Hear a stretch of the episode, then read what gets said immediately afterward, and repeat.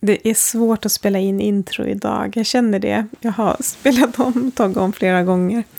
Eh, och jag gör det i sista sekund för att sista veckan har ju varit eh, maxad. Eh, med tanke på vad som sker i Oslo och vad som startades för en vecka sedan. När de här samiska, våra samiska ungdomar eh, stormade lobbyn på olje och energidepartementet eh, som en protest eh, mot att staten inte följer eh, högsterättens dom. De följer inte mänskliga rättigheter, de bryter mot lagen. Och eh, jag tror inte någon av mina följare på Instagram i alla fall har missat alla mina tusentals uppdateringar och, och delningar om det här. Så att jag vill lyfta det eh, och säga att jag stödjer det som sker till 100 procent och jag hoppas och önskar att jag kan åka dit också. Eh, och med det sagt så vill jag ju presentera nästa gäst för det här avsnittet är hennes avsnitt eh, 100 procent. Och det är en kvinna som eh, väljer att berätta om det hon har varit med om under en ganska lång tid av hennes liv. Och det är Maria Kroik. Hon är en kvinna i, sina bästa, eh, i sin bästa ålder. Hon har två barn. En ängel som är i himmelen och en ängel på jorden. Och hon har sina rötter i Handelsdalen och Mausjaurs samebyar och bor i Piteå sedan sex år tillbaks där hon ja, bor och verkar. Så att det här är hennes historia om hur det var att um, förlora ett barn och att genomgå uh, ett stort mörker innan hon fann lyckan och ljuset i tunneln igen. Och blev Chichi igen till en ny pojke. Så um, jag hoppas att ni ska tycka om avsnittet och um, ja, det är fint och starkt och tack för att du delar din historia, Maria.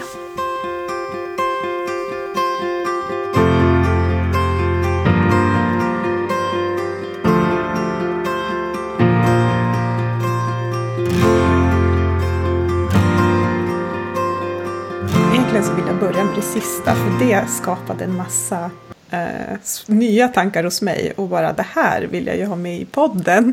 Just det här, för det har du sagt i ett annat poddavsnitt som du var med i. Mm. Eh, just att den här biologiska klockan tickade inte hos dig. Så, eller? Men alltså jag, jag vet inte om jag är så mycket annorlunda än alla andra.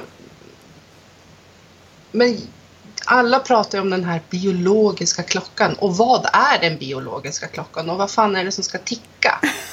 Alltså, vad är det för klocka som går i kroppen som ska ticka runt och så här. Det säger så att nu är det dags att skaffa barn. Jag bara okej, okay, nej inte än va.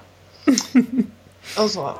Och det var som jag, som jag har be berättat i ett annat radioprogram eller poddprogram att jag har alltid älskat barn. Det har inte varit det här att jag liksom inte har känt att åh nej, barn, åh skräcken liksom bara ufo, nej.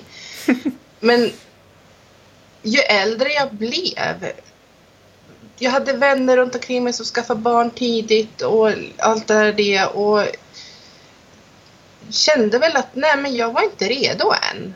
Jag kände liksom att nej men jag har så mycket mer jag vill göra i mitt liv och ju äldre jag blev så kände jag liksom inte den här längtan eller att det skulle kännas så här att åh nej hjälp jag får inga barn jag måste ha mm. barn för att på något självförverkliga mig mm. och mitt liv. Därför att jag var jag var nöjd med det livet jag hade. Det var inte så att jag måste på något sätt jag vet inte. En del diskussioner man hör är, eller del säger till mig och har sagt till mig liksom under årets lopp är liksom att ja, men du måste ju självförverkliga som kvinna. Ja, men mm. Måste mitt enda mål bara vara att föda barn i livet? Alltså är det det min enda uppgift i livet är?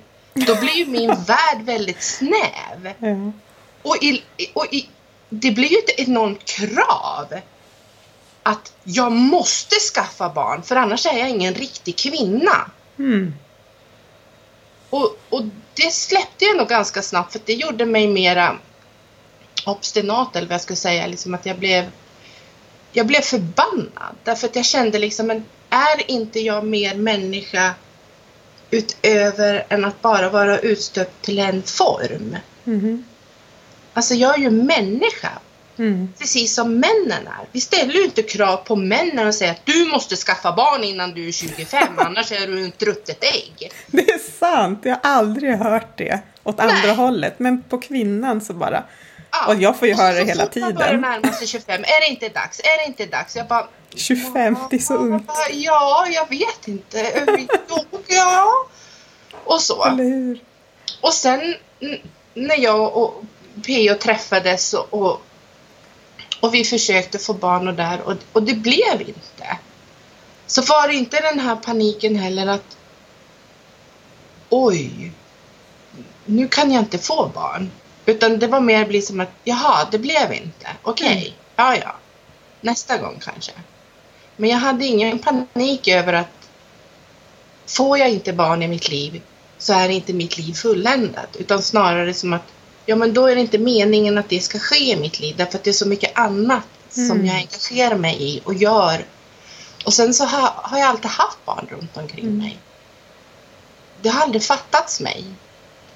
Men det jag förstod skillnaden sen när jag fick barn är ju det att det går inte att jämföra för det är två helt olika världar.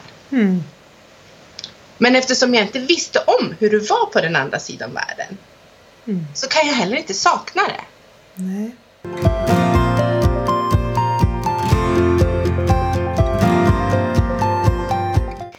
Jag har hört intervjuer med andra kvinnor som har valt bort barn i livet. Att de är så jävla egoistiska så att de vill inte dela sin tid med någon annan och uppoffra sig själv för någon annan än sig själv. Och jag tycker det är helt underbart att höra på dessa kvinnor. Ja. Men och jag kan ju förstå att, att de kvinnor som skaffar barn, de försvarar ju liksom varför de gör det. För att rättfärdiga de val de gör. Och, och jag säger inte att det inte är, jag säger inte att det är fel. Jag säger bara att låt mig göra mina egna val utifrån mina egna premisser i mitt eget liv utan att ni lägger en massa värderingar i det. Exakt. Ja. Det är väl det som blir problemet. Att andra lägger på och pressar på och ställer alla de här frågorna utifrån sin egen världsbild och sin egen tanke. Ja men precis, Ja. så är det. Alltså jag har ju fått höra tusen gånger räcker det. När ska du ska, ska inte du skaffa barn? För nu närmar jag mig ändå 40. Ja. När, är det dags för, när är det dags för dig? Man förutsätter då att jag vill ha barn. Eh, och det kanske jag vill. Eller så, alltså det är så här, det går upp och ner. Eh, men jag kan känna också sådär att, att det kan vara mycket så att det är så mycket tryck från samhället att jag borde då som kvinna skaffa ett barn.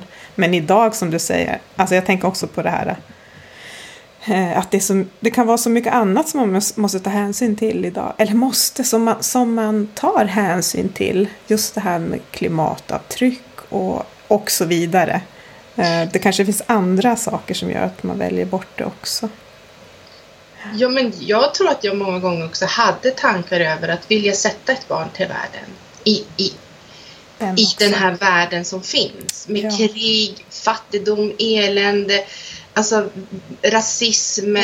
ja men allt det här. Va? Vill, jag, vill jag utsätta en annan individ för allt det här när jag inte kan skydda det, alltså Mm. det barnet till 100 procent? Är jag villig att liksom ta den risken? Och de tankarna har, jag, har ju snurrat också i mitt huvud. Liksom Ja. och sådär och det. Och sen så hade jag också en period att vill jag verkligen ha barn? Alltså vill jag verkligen ha egna barn? Ja. Och, och så. Därför att jag var sen i min utveckling höll jag på att säga. Men, nej men alltså, jag kom underfund med saker så sent i livet vad jag ville göra och, och, och, och hålla på. Så jag började med studier sent. Jag, Mm. jag, eh, och då när, när jag började med studier och allting så kände jag liksom att nej men, nu vill jag fokusera på det här. Och så. Och, så, och sen när vi liksom när det inte blev och vi försökte och, och sådär och det så kände jag liksom att ja, men det blir ju också en press. Att man försöker och försöker och försöker så får man liksom bara ena menstruationen efter den andra och, och, det blir ingenting. Och då blir det också en, en, en enorm stress. Alltså, är det något fel på mig? Alltså, så, sådär det. Och då vart ju de här tankarna, jaha, vill jag utsätta mig för en massa jävla utredningar? Liksom, Mm. vi tar så för givet att alla kvinnor kan få barn. Och det gör ju också genom de frågeställningarna. så här, Ja, men när är det dags för dig? När, Mm. när ska du skaffa barn? Ja, men vill du inte ha barn? Mm. Men det ligger så mycket tillbaka, alltså kanske också bakom. Som jag inte vill diskutera med, Med alla. Alltså, Ja. hallå, det här är mitt liv. Ni, ni går in i min privata sfär. Har ni hört om integritet? Alltså, Mm. och, och, och- och på något sätt så blir kvinnor allmän egendom. Ja. Och det, och det blir ju också det när man blir gravid. ja, just det. Det här har inte jag tänkt på själv. För jag har varit likadan själv. Så fort jag ser en gravid mage så vill jag klappa på den och sådär det. Men när jag själv blir gravid så säger jag, men hallå det är min mage, rör inte den, fråga om lov först. ja. Åh, Så att just det. vi, vi har ett synsätt och vi har ett samhälle och vi har en världsbild. Att kvinnor är någon slags allmän egendom. Mm. Och kvinnor ska föda barn och alla kvinnor vill ha barn. Mm. Vill du inte ha barn? Ja, men då måste det ju vara något fel. Och, och, och kan du inte få, få barn? Ja, men då är det ju definitivt fel. Ja, men vi lägger sådana bördor på oss själva som jag tycker är onödiga. Och till slut så kände jag så men jag men kanske inte har, jag har inte den där jävla bi biologiska klockan. För jag hör inget tickande. Jag hör ingen som liksom börjar ticka ut och säga att nu, pip, nu är liksom tiden ute. Mm. Vi kvinnor har sällan egna val. Mm. När det gäller våran kropp. Och jag menar, vi har ju haft en, en, en, en kristendom som har, har varit väldigt agerande hur normen på kvinnans roll och så. Och det finns väl avspeglingar även idag i samhället att, att kvinnor inte får göra sina egna val om kroppen därför att det är som att vi är inte tillräckligt intelligenta nog att ta våra egna beslut om våran egen kropp och så. Och jag tror att också det att jag har nog också varit väldigt envis och väldigt stark i mig själv att när jag väl fattar ett beslut så får folk säga vad de vill. Alltså, det här är mitt val. Okej, ha de tankarna, ha de åsikterna, fine by me. Men Mm. låt mig vara i mina egna val. Mm. Och jag ska inte behöva på något sätt rättfärdiga mina val eller förtydliga mina val utan ja, det bara blir inte så. Mm. Men berätta. Emil kom. Ja, och det vart ju en chock. att, jag kunde, att jag kunde bli gravid helt plötsligt. Ja. Eh, jag var då 38. Men eh, jag har ju eh, bjudit med dig för att du har, förutom den här historien, men du kommer kanske till det. Du har två, två väldigt stora, eh, som måste vara livsomvälvande händelser i ditt liv. Eh, de hänger ihop men är väldigt olika. Och det har ju med Emil att göra. Eh, för när han var två år så förlorade ni honom. Mm. Och, Ja. Han blev akut sjuk just det. och inom ett dygn så fanns han inte med oss, rent fysiskt. Mm. Han dog. Han blev akut sjuk och det Mm. var det var jättetraumatiskt. Ehm, på, på flera sätt eftersom vi befann oss också utomlands när det hände. Så det var liksom trauma i dubbel bemärkelse. Mm. Det går inte att föreställa sig förrän man är i den situationen. Ehm, Du kan aldrig förbereda dig, du kan aldrig... Därför att du hamnar i ett sånt svart, djupt hål där det finns ingen botten. Du bara sjunker. Och hur mycket än människor runt omkring dig försöker slänga ut livbojor, försöker hålla din hand, så sjunker du bara. Och eh, genom, som, genom att Emil blev ju också så väldigt efterlängtad eftersom vi inte trodde att vi kunde få barn. Ja. Och sen öppnades det en dörr till en värld som jag inte visste fanns. Mm. Ehm, så blev ju förlusten ännu större.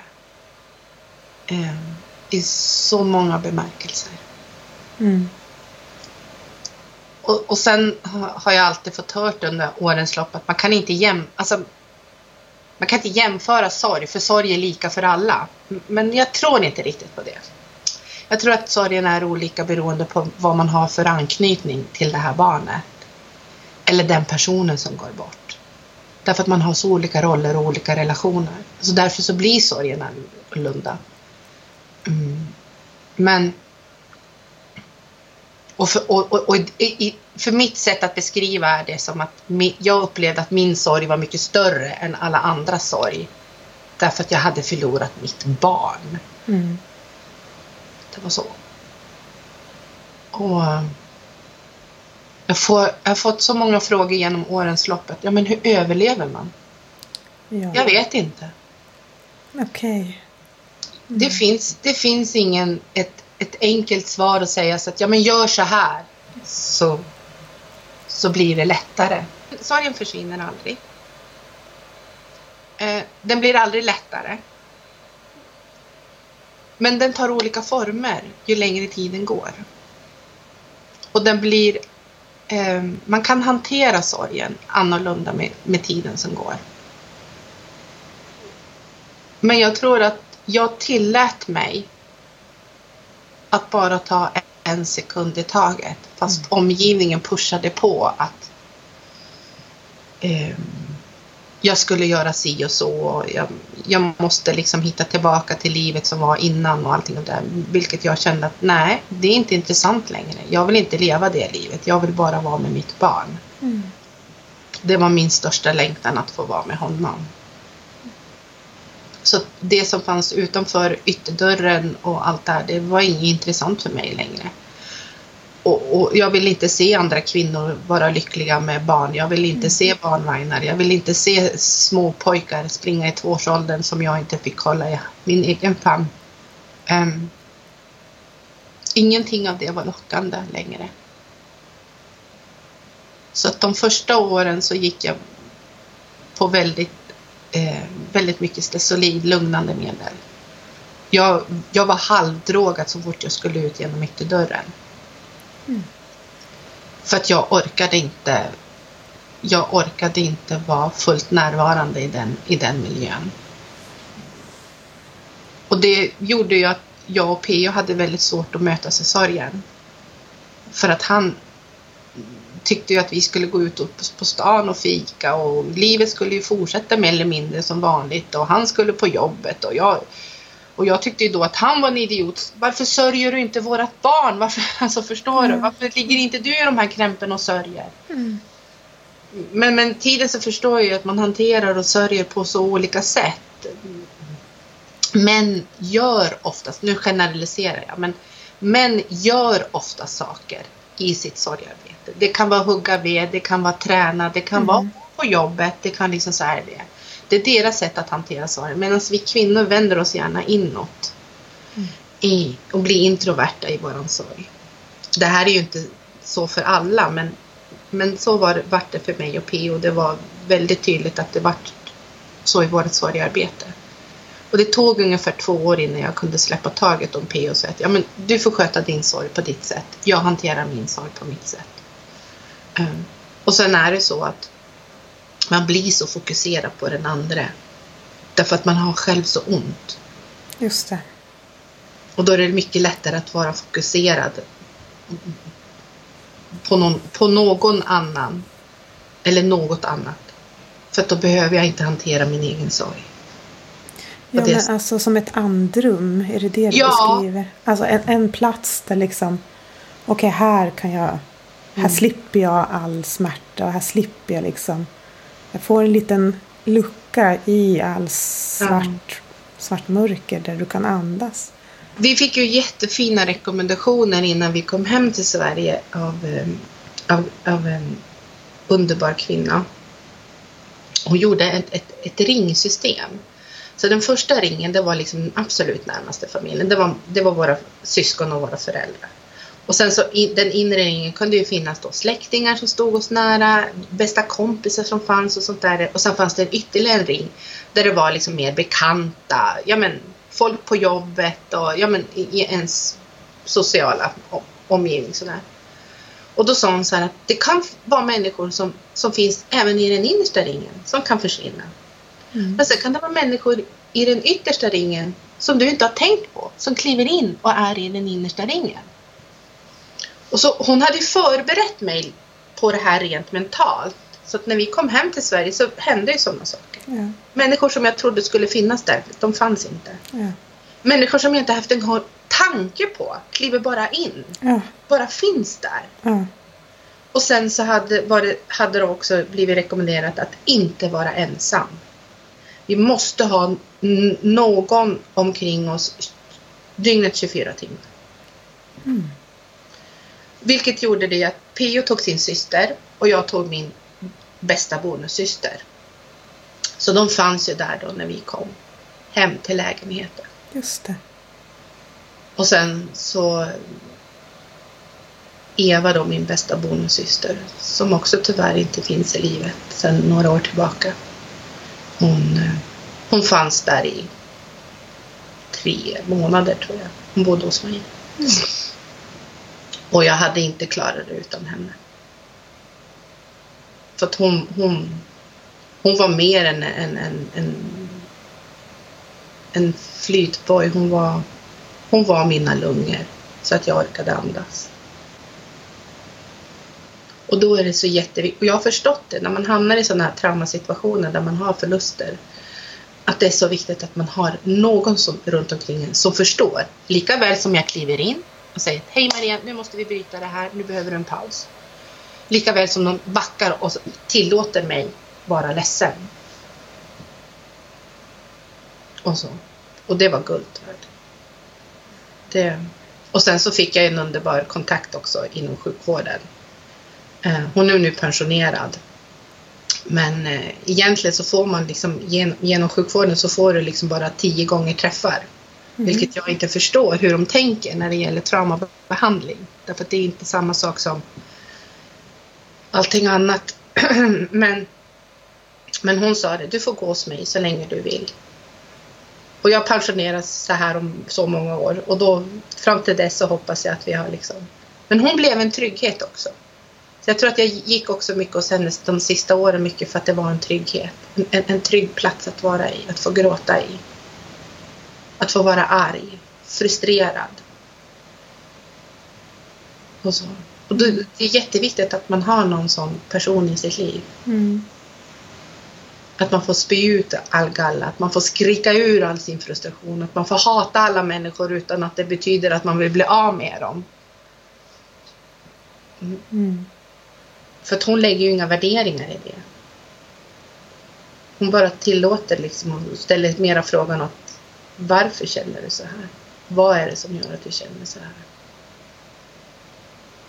Och när du känner det här, vad är det då som triggar igång i dig? Vad händer i kroppen? Men hur var det här, alltså efter de här två åren? Alltså hur har det blivit? För nu är det ju väldigt länge sedan egentligen. Ja, han blev 17 i oktober. Mm. Han blir... På jorden har han stannat i tvåårsåldern. Ja. Men han växer ju ändå för varje år och blir ett år äldre. Men mm. minnesbilden är ju fortfarande en liten pojke på två. Jag har ju jättesvårt att se honom som 17-åring därför ja. att jag har en sån bild. men, men han växer och blir stor och, och, och, och, så för varje år och så. Och sen var det en, en kvinna som sa att men fira hans födelsedag varje år. Ja. Varför gör du inte det? Ja. Det är liksom, fira honom. Men jag firar inte på så sätt att vi äter tårta och sånt där. Men jag tänder ljus för honom och säger grattis på födelsedagen och hoppas att han har det bra där han är. Och jag, eller jag vet att han har det bra där mm. han är.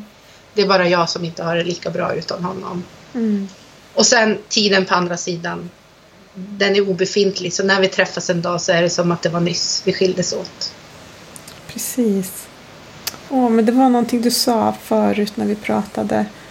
Eh, som jag gärna vill ta upp igen. Och det var det här med att släppa taget. Eller att vara så rädd att förlora. minnet Jo. kring honom eller, Ja, eh, eller släppa taget men acceptera och gå acceptera. Alltså, ja. ja. Mm. Nej, men första tiden så, så, så fick ingenting röra sig efter honom. Skötbordet var tvungen att vara som är. Alla leksaker var tvungna att stå där de stod. Sängen var tvungen att vara obäddad på det sättet som det var. Nallarna var tvungna att ligga där de var. Eh, Allt, allt, allt, allt som han hade rört vid. Det var ju stort he- allt i hela lägenheten. Det fick inte röra sig en millimeter. Därför att jag var så livrädd att jag hade redan förlorat honom en gång. Och då förlorar jag honom ytterligare för varje sak som rörs.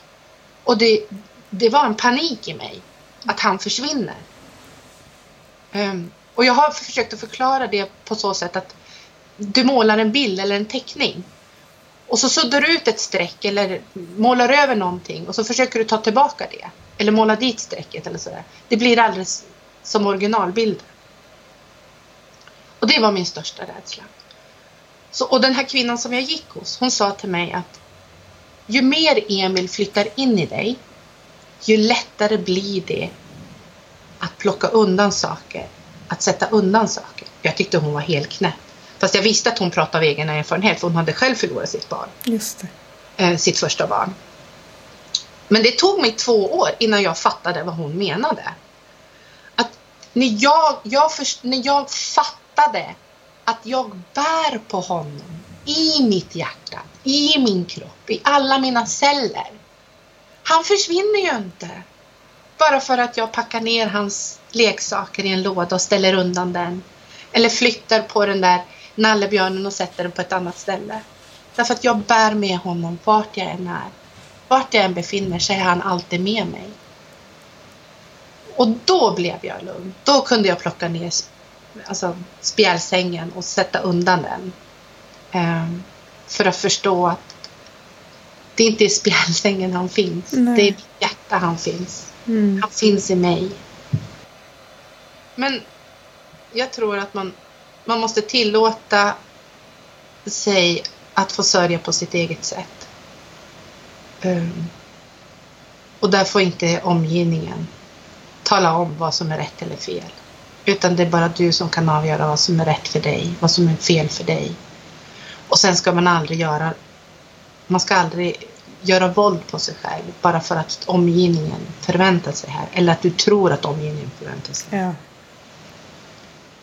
Så eh, efter två år så började jag sakta men säkert ett steg i taget ta tillbaka till någonting som skulle vara något slags liv efter Emil. Och så. Men det var jobbigt. Mm. Men det gick. Jag sitter ju här idag fortfarande. ja, du gör ju det. Alltså. Ja. Men sen så blev det ju också ett... ett mm, jag ville ju ha barn också direkt efter Emil dog. Det vart ju liksom ett... Ja, vad ska jag säga? Jag vart så desperat över att jag inte ville fortsätta mitt liv utan att ha barn, ett eget barn. i Mm. Där blev jag jätteegoistisk. Det handlade bara om vad jag ville. Ehm. och, och det blev också en lång resa. Men nu har jag en liten sexåring. Mm. Och, Och det jag, tycker, jag tycker det är så häftigt. För jag, jag fyllde ju 50 dryga två månader innan han föddes. Um, och jag har ju alltid tyckt att herregud, människor som är 50, de är ju redan döden. De är ju så mer eller mindre begravda. Så gamla. Och, så är det. och nu är jag själv liksom 50 och får barn och jag tycker jag är rena ungdomen. Är det inte fantastiskt hur man kan ändra åsikt? uh. Ja.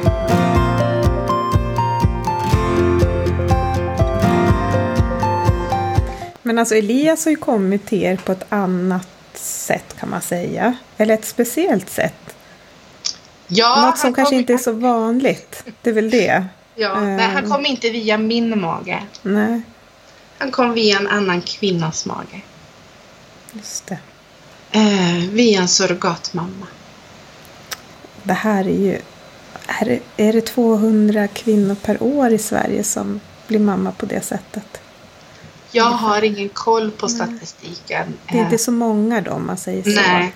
Nej. Och sen är det inte tillåtet i Sverige att använda sig av surrogatmamma utan man måste göra det utomlands. Okej, just. Ehm, därför att återigen så vet ju politiker och vetenskapsmän och läkare mycket bättre än vad jag vet över min egen kropp Mm. Och vad jag vill göra med min kropp. Ja. Mm. Mhm. Eh, och, så. och sen så handlar väl också mycket över att man, man pratar om slaveri, man pratar om kvinnohandel. Eh, ja men allt det här och det. Och, och jag kan förstå deras rädsla och oro därför att om det inte sköts på rätt sätt eh, för det finns ju fabriker kan man säga Mhm. Eller hur man ska uttrycka det. Och jag, har haft, jag var även de banorna tankarna själv. Tyckte liksom att vi utnyttjar de här kvinnorna till fullo. Ja, för det måste finnas ganska mycket fördomar kopplat. Men det kan Mm. ju också vara kopplat till okunskap, tänker Ja jag. men, ja men visst så är det ju. Och jag har själv haft de tankarna. Ja. Eh, Men, men genom att jag gick igenom eh, flera IVF-behandlingar eh, med flera missfall. Och, och, och det slutade med att sociala i, i, eh, i Luleå inte godkände mig som lämplig mamma till att få bli mamma igen. Ja. eh, till ett nytt barn eh, på grund av min värkproblematik. Man tog ingen hänsyn till att jag redan haft ett barn och det barnet inte led skada och vi hade bra och fina vitsord från alla områden. Från förskolan och från vänner och från läkare och barnmorskor. Och det spelade ingen roll. De hade bestämt sig, så här är det. För de visste bättre. För de visste bättre än Ja. alla andra och mig. Ja. Och det är det här, den här, när det kommer till sådana här maktpositioner och det blir sådana här ehm, låsningar. Mm. Då, då, vet du, jag, jag, jag föraktar sådana människor. Jag, jag, jag kan inte ens en gång tänka ödmjuka tankar om sådana människor. Det blir väldigt svårt. Mm. Ehm, när man inte försöker vara lyhörd och föra dialog utan det blir mera liksom Ja men nu, nu, det här hör vi, det här ser vi och då har vi bestämt oss att nu är det så här. Mm. Ja men se nu liksom vad alla andra säger. Titta på hur Emil hade det. För vad handlar det om då, som ni inte fick? Jag fick, de kommer inte att godkänna mig i, i, i, i ansökan för adoption. Okej, adoption handlar det om. Mm. Nej men det var ju på grund av min värkproblematik att de ansåg att jag inte kunde ta hand om ett barn på ett bra sätt. Så det, kommer, det kunde de inte godkänna mig. Och genom att jag hade provat, genom att vi hade parallellt med adoptionen, IVF, så fick jag sån panik. Ehm, och då blev barn ett självändamål i mitt liv. För att jag var så desperat. Och jag sa det till PA får jag inget barn innan jag har fyllt 50 så får du skaffa dig ett nytt liv med en ny kvinna och skaffa dig en familj som jag inte kan ge dig och jag vill inte leva det här livet. Så att då försvinner jag. Och det var då i allt det här då som surrogatmamma växte fram. För att jag hade sett ett tv-program om en familj som hade åkt till Indien.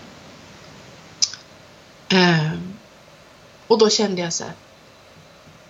Och då hade jag också samtal med den här kontaktpersonen om alla mina tankar om det här med surrogatmamma och Mm. fabriken och ut, att vi utnyttjar dem och Ja. vi liksom vi i västvärlden bara liksom förkovrar oss medan de här kvinnorna får lida och bla bla bla.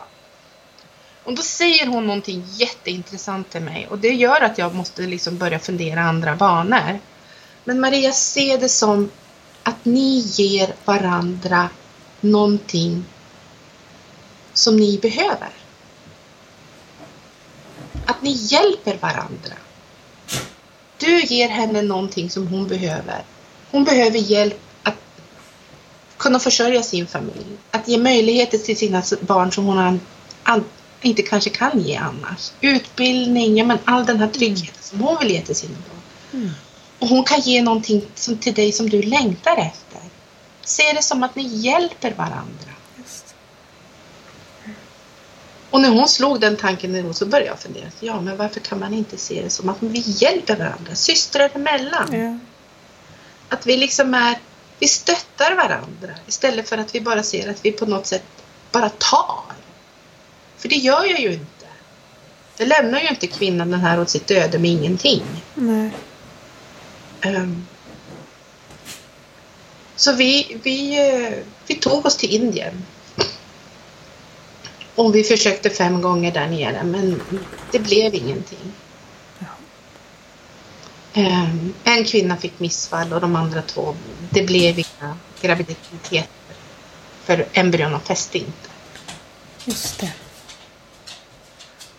Och då, eh, då började jag närma mig 50. Nu var jag 48. Och jag kände liksom, okej. Jag började mer eller mindre planera för mitt avslut. Min begravning. Jag menar alla sådana saker. Mm.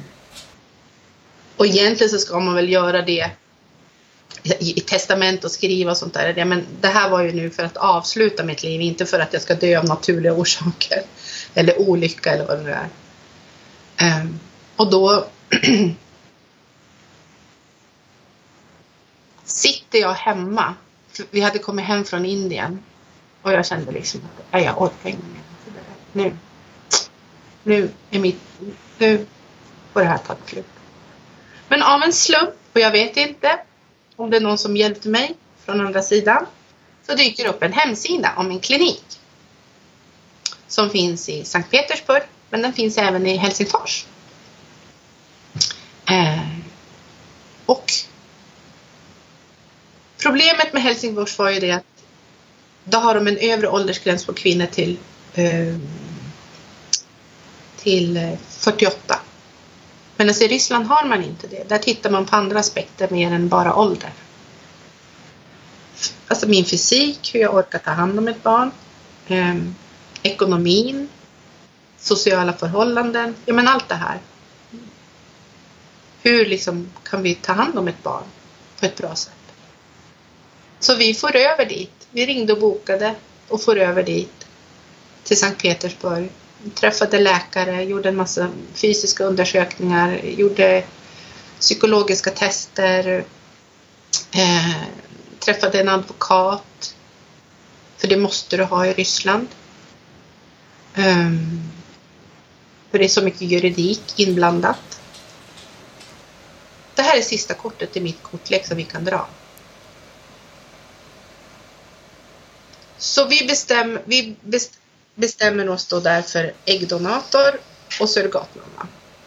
Och äggdonatorerna får du eh, reda på, ja surrogatmammorna får du se bilder på. Men, men äggdonatorer då, då får du se eh, även en bild men du får också veta längd, vikt, blodgrupp, lite sociala omständigheter, familjeförhållanden och sånt där. Det. Äggdonatorerna behöver inte ha fött egna barn. Nej. De kan donera äggen då. Men surrogatmammorna måste ha, ha fött minst ett barn för att få bli surrogatmamma. För att de måste förstå vad det är att, att vara gravid innebär. Just det. Och sen lämna ifrån sig också. Ja, men det förstår man ju inte förrän man är där. Nej. Men, men åtminstone att de vet vad, de, vad, vad det innebär att gå igenom en graviditet och hur det är att föda ett barn. Ja. Sen får de ju psykologisk hjälp. Det ingår i det här paketet. Mm. Och även ett, ett helt år efteråt så har du rätt till en psykiater en dag i veckan att prata med. Mm.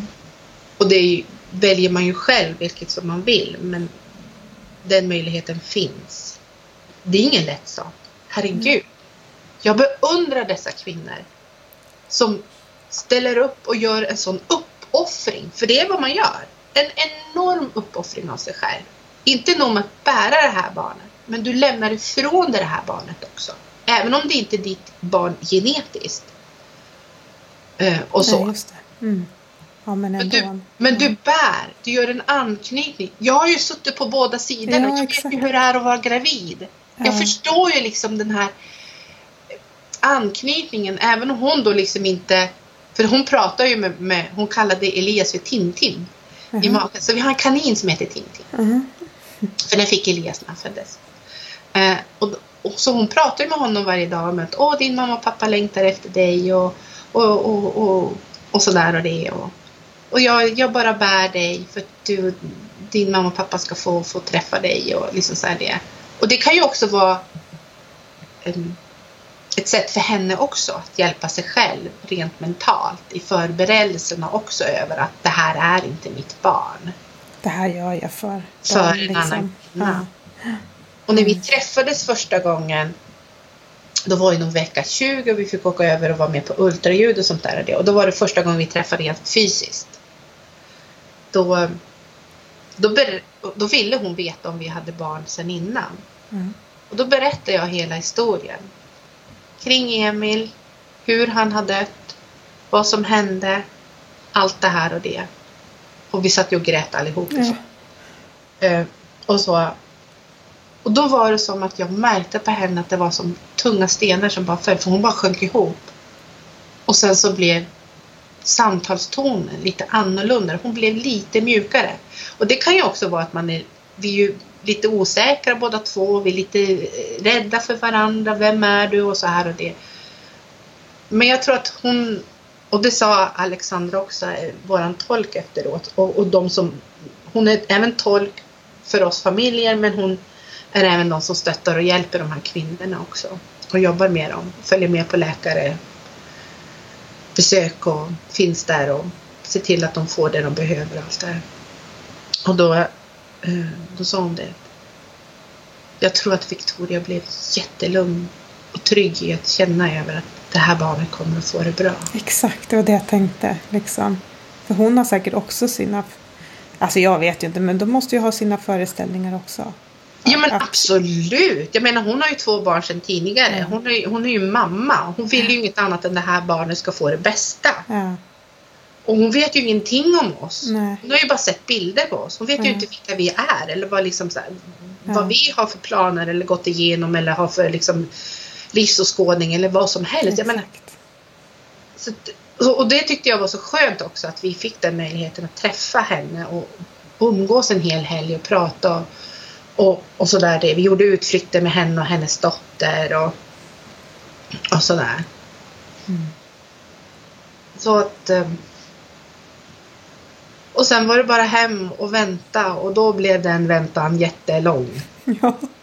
Den var gigantisk. Det kändes som hundra miljoner år innan han föddes och innan vi kunde börja åka och allt det.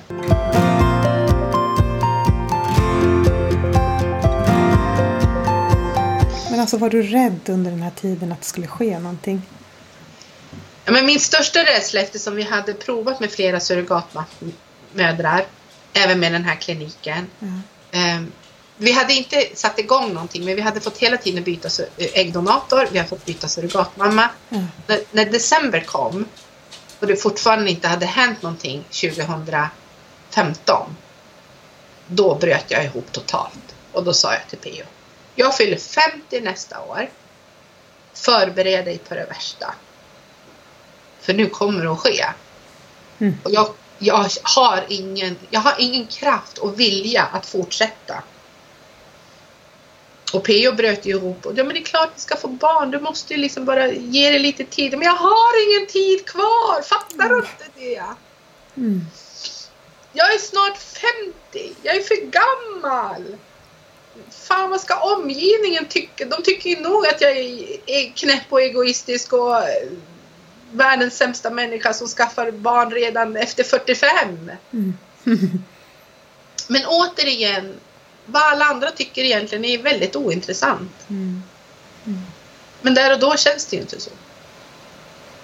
Jag tänker, ni har gått igenom så mycket.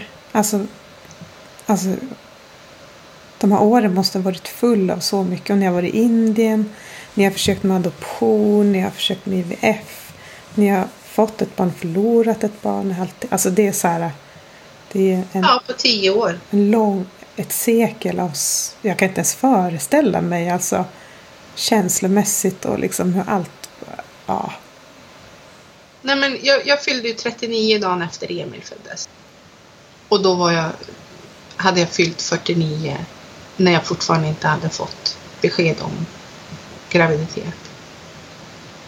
Så när vi äntligen fick ett besked över... Jo, för det var så här att då ringde de, tror jag det var, eh, i, i januari. I slutet av januari. Att var vi tvungna att ta den eh, surrogatmamman som vi hade bestämt oss för. Ja, men så jag till Peo, att eftersom ni har liksom kollat upp alla surrogatmammor och allt det här och det och de har ju fått gått igenom psykologiska tester och fysiska tester och allting sånt där. Det, så känner jag mig trygg i att, att ni har ju sållat ut agnet från vetet. Alltså det här är ju liksom top of the best. Mm. Um, för vi har ett förslag på en ny surrogatmamma. Ja men go for it. För mig var det mera äggdonatorn. Då blir man så jätteknäpp i huvudet. Det måste vara samma ögonfärg, det måste vara samma längd som jag har, ungefär samma hårfärg, samma blodgrupp. Ja, men, Mhm. det är så här. Det blir de här små detaljerna som blir jätteviktiga av någon jävla anledning. Och egentligen så är det ju inte det. Mm. Det är bara att man får ett friskt barn som är det viktigaste. Mm. Och, och så. Men i alla fall. Och då i mars fick vi ett besked att de hade tagit blodprov och att hon var gravid. Men det trodde inte jag hoppas på. För det går ju ett rent hel- helvete. Mitt liv var ju liksom bara ämnat att gå åt helvete. Varför ska jag få vara lycklig för? Det, mitt liv är inte ämnat för det. Det är bara bullshit. Så då ehm, väntade jag till första ultraljudet. Och det var nog i april, maj tror jag det var. April, maj, ja något sånt där. Ehm, ja, det måste vara något sånt. Och det såg jättebra ut och hjärtat slog bra och hon hade hennes ja, men prover. Hon var eh, frisk och alla prover var bra och allting sånt där. Så då, då till midsommar då började jag säga till P.O. Tror du verkligen att vi ska få lyckan att få bli föräldrar till ett till barn? Ja, sa P.O. Jag tror på det. Men jag vågade inte riktigt tro ändå. Och jag tror att det var först när jag fick vara med på ultraljudet i vecka 20 när vi var där i Sankt Petersburg och jag fick träffa surrogatmamman. Då kände jag att Mm. till barn! Och så fick jag reda på att det skulle vara en liten kille. Mhm. Och så kom han där kom kring han. jul. Som en julklapp. Har jag sett. Ja, lite tidigare än planerat. Han var ju planerad till den sjätte tror jag. 9 januari eller sånt där var han planerad till.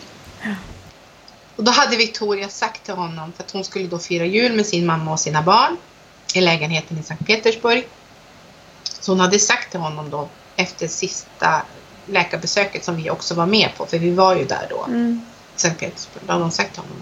Och bara så du vet. Julafton kan du glömma att komma för jag har inte tid med dig. Jag ska fira julafton med min, med min mamma och mina barn och allt det här. Så att, då får du inte komma. Men då var det som att han stod där och väntade. Okej, har julafton, har det blivit, har det blivit jul, har, har julafton gått över? Är det slut nu? Kan jag komma nu? Så då är han född fem i, fem i elva rysk tid eh, den 25. Så är det Men alltså, och det här är ju sex år sedan nu. Ja. Ja. Hur var, liksom, hur var det att komma hem med, honom? Hur är det idag? Alltså, hur, Det tog ju längre med anknytningen eftersom Mm. det var ju så svårt att fatta att han verkligen var min. Mm. Att det här är mitt barn. Och så. Och sen när vi kom till hem till Sverige så var det så mycket praktiska saker. Vi skulle ha barndop och vi höll på att flytta till ny stad, till nytt hus. Så det var väl inte först där under hösten som man började verkligen landa i att hej, vi har en unge.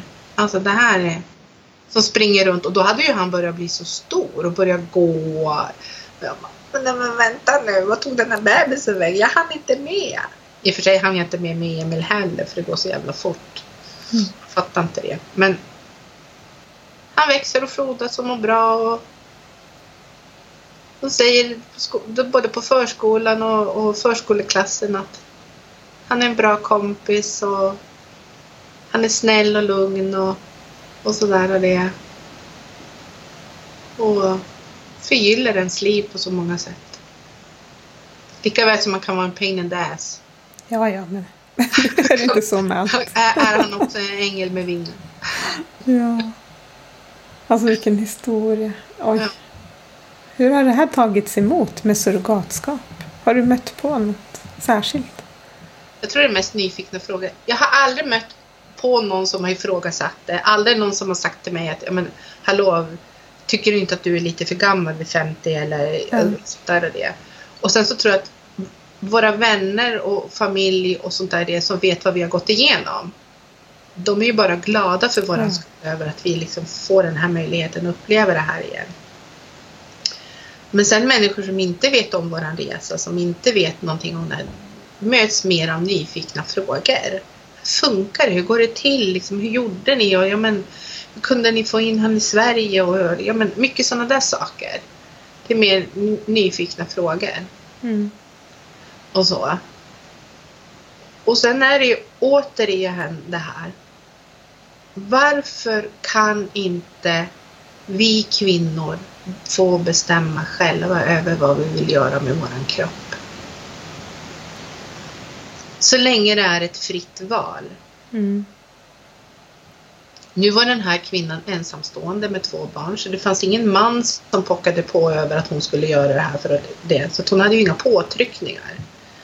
Ehm, och hen, hon, kunde inte berätta för sin pappa för han hade ju sagt nej på en gång. Men däremot hade ju hennes mamma då ställt massor med frågor över. Har du tänkt igenom det här? Förstår du vad det här liksom är det här verkligen det du vill göra? Och är det så du stöttar dig till 100 procent? Mm. Så det känner jag mig också trygg med, med våran surrogatmamma över att hon hon har gjort det här för att hon har velat kunna ge bättre möjligheter till sina barn. Och jag är glad att jag kan hjälpa till till en bättre framtid för den familjen. Har ni kontakt idag? Eller så Ja. funkar det? Ja. Jo men alltså vi har ju kontakt med varandra. Men på grund av att hon bor i Ryssland och det här med kriget just nu ja, just har vi tappat kontakten med varandra. Vi, vi, eh, jag kan inte, vi kan inte sända försändelser eller paket. Nej, jag vet. Det Eller brev eller någonting. Vi har ingen kontakt via sociala medier. Nej, Så exakt. jag vet ingenting om henne. Men jag vet att där hon bor är ju väldigt en bra bit ifrån kriget. Mm. Och, så så och jag, jag vet att eh, hon flyttade och köpte en, en, en bondgård för att hennes föräldrar också skulle kunna bo på gården och vara lite mer självförsörjande. Och hon har börjat utbilda sig till eh, Eh, ja, men, inom skönhet, tatuering, sådana här skönhetsgrejer. Jag har följt Instagram och ja, men allt med sånt där. Det. Och vi skickar årligen eh, ett årsbrev med bilder och berättelser om Elias utveckling. Och, och vi har via våran vet, tolk då, Alexandra som vi också har kontakt med idag, med hennes hjälp också liksom eh, kunna få saker och ting översatta till ryska och vice versa till engelska och sånt där. Så att eh, fram till kriget så vet jag att de hade det jättebra. Mm. Och jag hoppas att de fortfarande har det jättebra. Mm. Att få bilder på barnen i skolan och hur stora de blir och, och sådär och det då. Så att, Eh, nej men hon är en viktig del. Hon är ju en del av vår familj. Utan henne så hade ju inte Elias funnits. Så, och sen har vi sagt det att den dagen när vi får ihop med tillräckligt pengar och Elias börjar bli lite större och förstår mer om det här. Då, ska vi träffas allihopa i Sankt Petersburg. Mm, och så. Och sen har vi också, innan vi gjorde allt det här, så, så, så pratade jag med Victoria och sa det att vi vill gärna att du ska vara en del av Elias liv. Men om du känner att du har gjort ditt och inte vill längre ha någon kontakt eller något sånt där, det, då, då respekterar jag det beslutet. Eh, men du får inte känna att om att du gärna vill följa Elias liv men du törs inte på grund av att du är rädd att vi inte vill. så ska du veta det att vi vill gärna att du fortfarande ska vara en viktig del i vårt liv. Som du har varit tills nu. Mm. Utan hennes enorma självuppoffring som hon har gjort så skulle inte jag sitta där jag gör idag och jag skulle inte fått upplevt Elias som jag har fått gjort. Och, och det. Mm. Så det är ju tack vare henne. Mycket av de här diskussionerna som de har haft är det att kvinnor får inte tjäna pengar på det. Eh, det får inte bli en fabrik Nej. och mycket sådana där. Och då känner jag så, varför har inte kvinnor rätt att få betalt för att de gör det här? Därför att då blir det någon slags slavhandel. Mm. Nej. Nio månader och sen föda fram det, bar- det barnet. Alltså, Det går ju inte att jämföra med liksom att bli såld i sexindustrin och utnyttjad och någon annan tar pengarna. Alltså på Nej, något men- sätt så känns det här ändå annorlunda. nej men jag såg ett program om en kvinna i England som har varit surrogatmamma eh, till en familj. Det var det tredje barnet nu hon skulle föda. Hur hon är jätteglad för de här pengarna för att det har liksom då förbättrat hennes ekonomiska läge jättemycket och sånt där. Ja.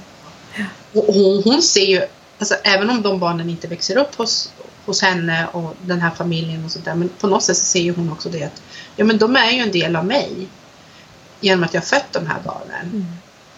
Och, Jag tror att vi kanske behöver så här, vi behöver öppna upp våra sinnen för någonting annat. Eh, att saker kanske inte är så här i den här fyrkantiga formen utan kanske finns andra sätt. Eh, och att vi liksom vi behöver så ifrågasätta vårt eget tankesätt. Också. Ja, men tänk bara på hur diskussionerna har varit det här med äggdonationer. Ja. Innan det blev tillåtet i Sverige. Det är nyligen som man har Ja. börjat tillåta det. Återigen, vi har sån jävla kvinnosyn. Och det, jag tror att det är det som är grund och botten. Kvinnan är en egendom, mannen är inte det. Mm. Har aldrig varit. Säg en religion där inte kvinnan är en egendom. Det får bli de avslutande orden. Det lämnar frågor till lyssnaren. Nu är det upp till lyssnaren att tänka på det svaret. Nej, men du har en poäng i det. Eh, och därför är jag så jätte, också så här, så väldigt glad att du vill vara med och berätta din, dina historier och ditt liv och kring det här och alla, allt som har hänt och så. För att, att på något sätt bidra. ja, men att vi, att till en, en normalisering och plocka bort fördomar som kanske många har haft kring surrogatskap.